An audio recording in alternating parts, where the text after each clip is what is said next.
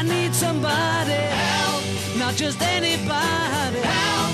You know I need someone help. Vi skal snakke om urinveisinfeksjoner. Det er en infeksjon både menn og kvinner kan få, men det blir oftest en, en kvinnegreie, det der. Det blir en kvinnegreie veldig ofte. Hvorfor det, doktor Munkvik?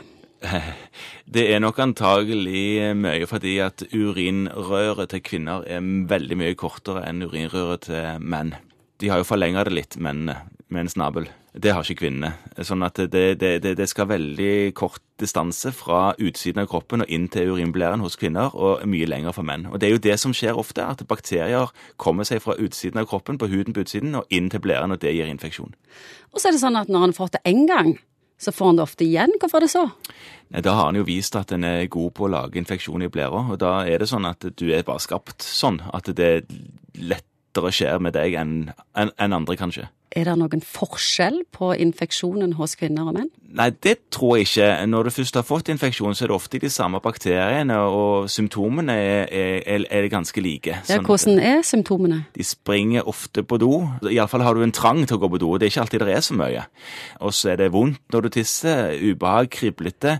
Og etter hvert, hvis du ikke gjør noe med dette, her, så kan infeksjonen spre seg videre oppover i urinveiene og skape kraftigere infeksjoner. Da blir du svett og dårlig og skral dårlig, rett og Når det er det feber og hele greia? Ja, Da får du hele smella. Kan du dø av det? Ja, det kan du. Nå ser jeg at du skvatt litt til der borte. Eh, men ja, du kan dø. Hvis du går lenge med en urinveisinfeksjon så slår seg opp til nyrene, og du får bakterier ut i blodet etter hvert, Og får du det som heter en urosepsis. Og gamlemor på sykehjemmet som får det, har ikke så mange reserver igjen, og det kan, det kan faktisk bli fatalt. Ja, da gir dere antibiotika. Dette behandles med antibiotika, og ofte veldig korte kurer, fordi man har antibiotika som oppkonsentreres godt i urinveiene og i urinblæren og har god virkning der. Siden jeg vet at alle legene i landet nå kjemper for at vi skal bruke mindre antibiotika, går det an å klare seg uten hvis du får en infeksjon?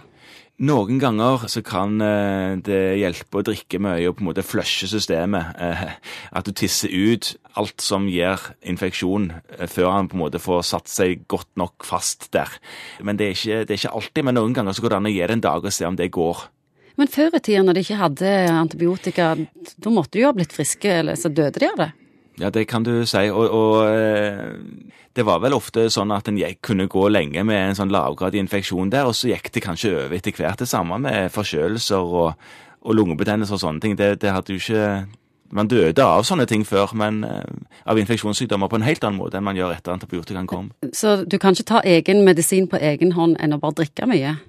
De som har mye problemer med det, de kan få forskjellige råd. For eksempel sånn og noen syns det er greit å drikke tranbær, og det kan være lurt å gå og late vannet etter sex, for eksempel, fordi at denne her seksuelle akten kan være med på å eh, gjøre, gjøre det lettere for bakterier å komme seg opp i urinblæren. Og hvis du da tisser med en gang etterpå, så tisser du ut det som skaper infeksjon, før det får satt seg. Er urinveisinfeksjon smittsom? Nei, det er det ikke. Help me